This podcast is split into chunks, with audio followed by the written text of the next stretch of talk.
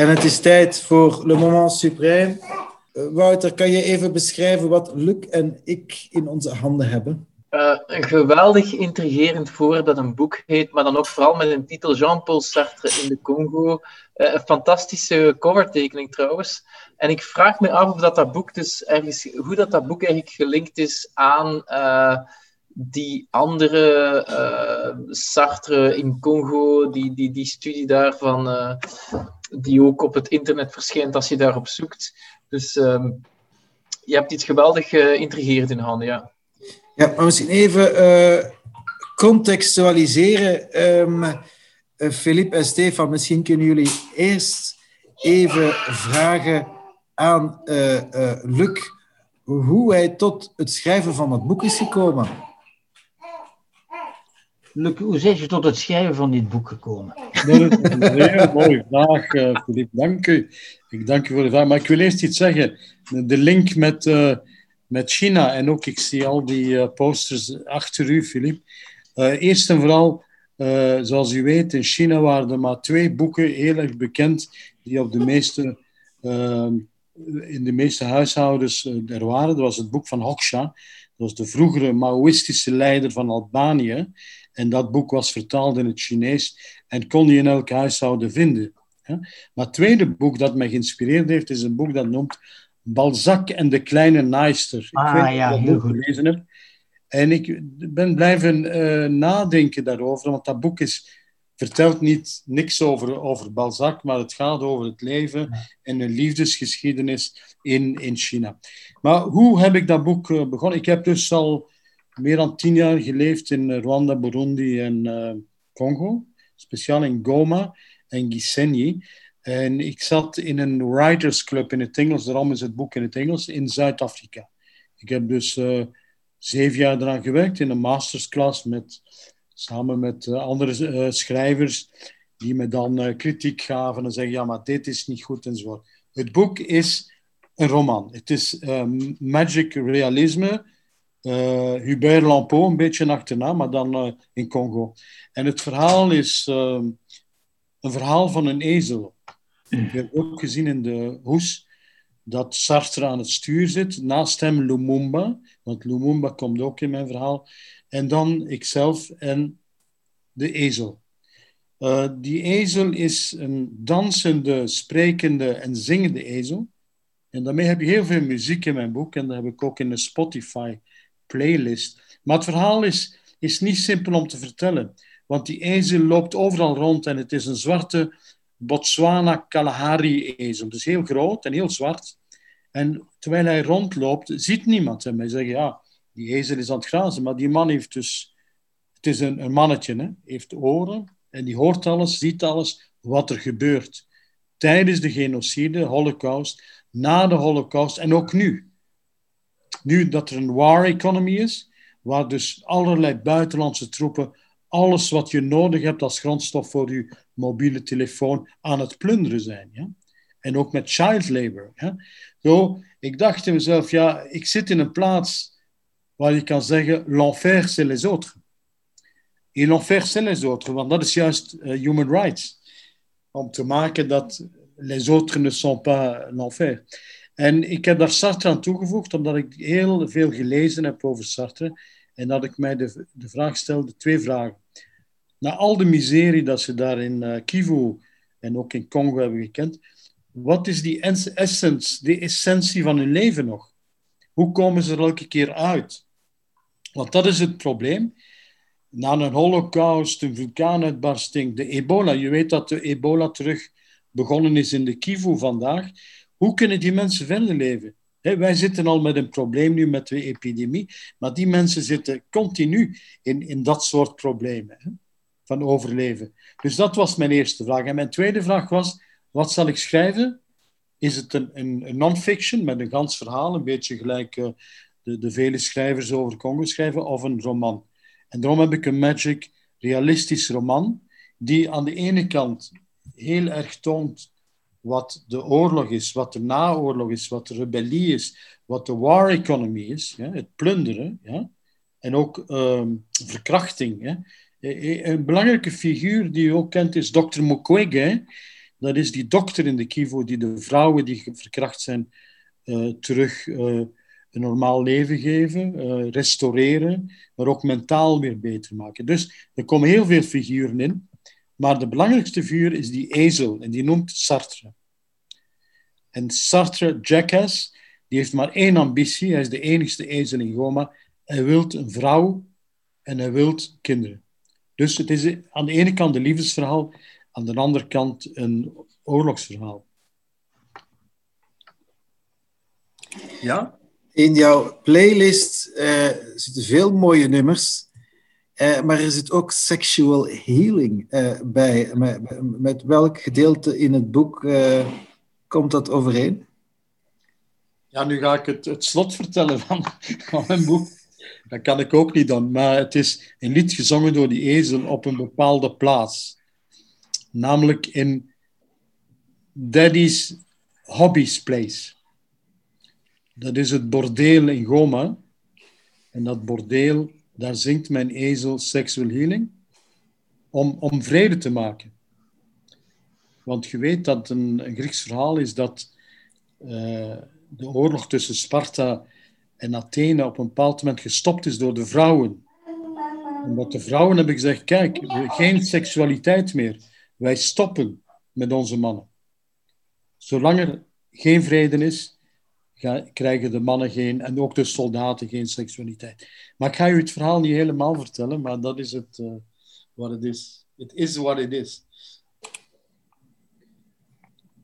Is dat uw eerste boek? Of, uh... Wel, ik heb, uh, ik, ik heb ook een, ik, misschien kan hij dat delen, ik heb ook een website en ik heb, ik schrijf essays en poëzie, ik schrijf al van mijn 16 poëzie. En ik heb uh, maar dat is wel mijn eerste roman. Ik heb wel nog andere boeken geschreven, maar, uh, maar dit is mijn roman. En dat, dat was uh, niet gemakkelijk in, het Engels. Ik zal dat ook proberen te laten vertalen. ik denk dat dat is een boek die dicht aanleunt bij onze koloniale verleden. Hè? Want de toestand die we nu hebben, komt grotendeels door de Belgische kolonisatie. Dan moet je maar het Tervuren Museum gaan bezoeken. Ja? Door onze kolonisatie, maar dan in, in, in Congo. Niet de, niet de rest van, uh, van Afrika. Nee, nee, maar Congo en dan de, de twee Rwanda. protectoraten, Rwanda, Burundi, de ganse de, de ethnicity en de, de holocaust, hè, het, het, doden van uh, Tutsis uh, in Rwanda, maar ook Hutus in Burundi, komt door koloniale uh, verschillen. Die zeggen, kijk, die, uh, die Loten zijn veel verstandiger, die moeten naar school en die Hutus, dat zijn andere boeren. Dat zit er nog altijd in. En dan, dat zijn,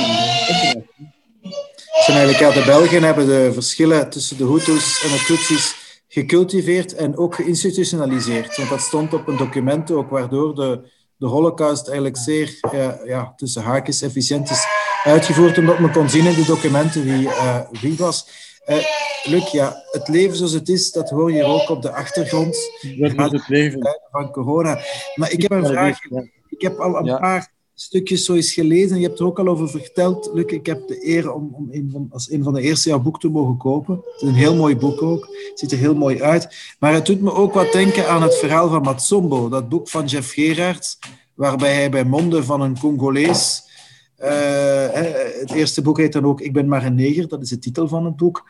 Net na de Belgische onafhankelijkheid, eigenlijk via die man, via dat personage, Matsombo eigenlijk vertelt hoe dat het in elkaar zat. Is daar enige gelijkenis of, of uh, is dat... Uh, ik weet dat je ook heel graag Jeff Gerards hebt gelezen.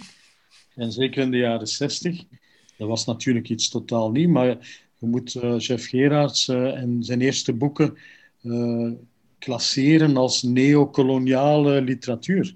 Uh, hij beschrijft uh, zijn periode als gewestbeheerder met heel veel seksueel amoureuze avonturen. Dat was natuurlijk wel, wel heel grappig om allemaal te lezen. Maar ik denk dat mijn boek is nu van de periode uh, van de laatste twintig jaar en vooral de laatste tien jaar.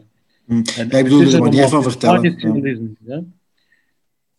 Dus, dus ik, ik, ik zie daar niet zoveel verband. Natuurlijk, er zijn wel andere verbanden die ik zie, maar dan eerder uh, boeken. Ik weet niet of u de Negritude kent, de, de, de movement van, uh, van, van Senegal, en waar ze dus uh, de cultuur van uh, Afrikanen in de literatuur. En ik, ik lees veel ah, ja, Afrikaanse literatuur. En ik denk dat ik daar dichterbij aanleun dan, dan bij Jeff Gerhardt. Hmm, interessant. Interessant. Het is eigenlijk ook een, een, een mooi, nu snij je iets aan, Luc, want je, je hebt eigenlijk een eerder, je hebt lang in Afrika gewoond. Je bent misschien ook een beetje een Afrikaan. Dat is allemaal niet afgeleid. Dus je hebt een Afrikaanse verhaalstijl, ook, ook een Belgische wellicht, en die van jezelf. Maar het boek is ook in mooi, uh, in de voorbespreking hadden we het daarover, in mooi Vlaams-Engels geschreven. Vertel daar eens wat meer over.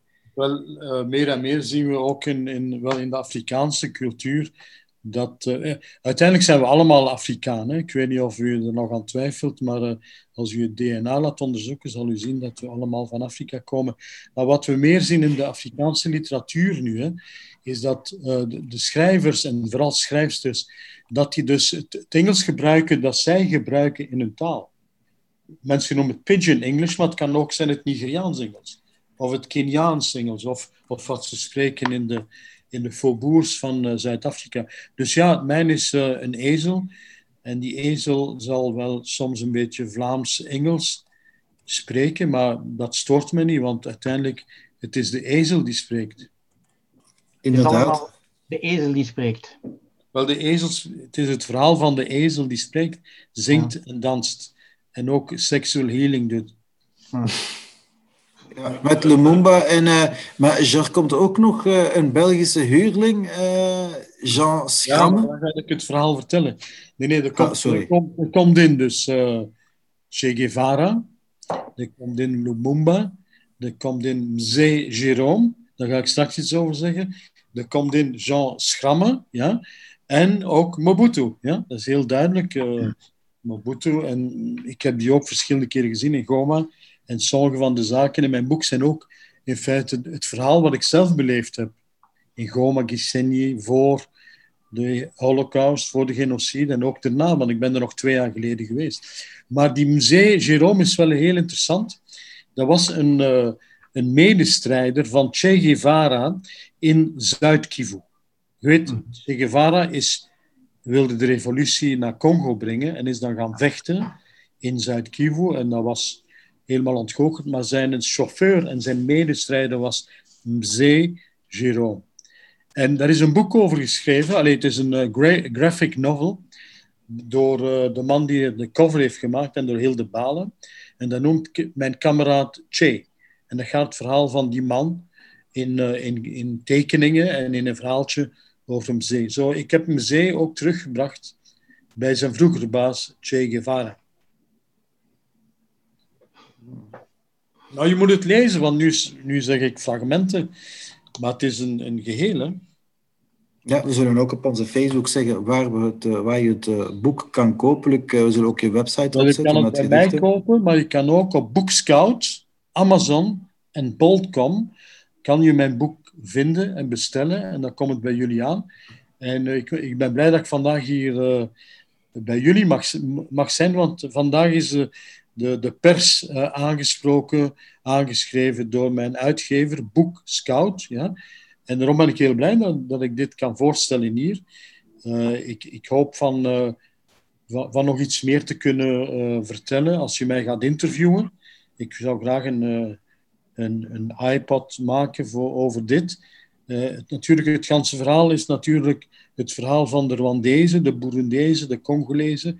En vooral voor de meer dan misschien 1,6 miljoen mensen die, die gestorven zijn, nog altijd doodgaan. L'enfer, c'est les autres. L'enfer, c'est les autres.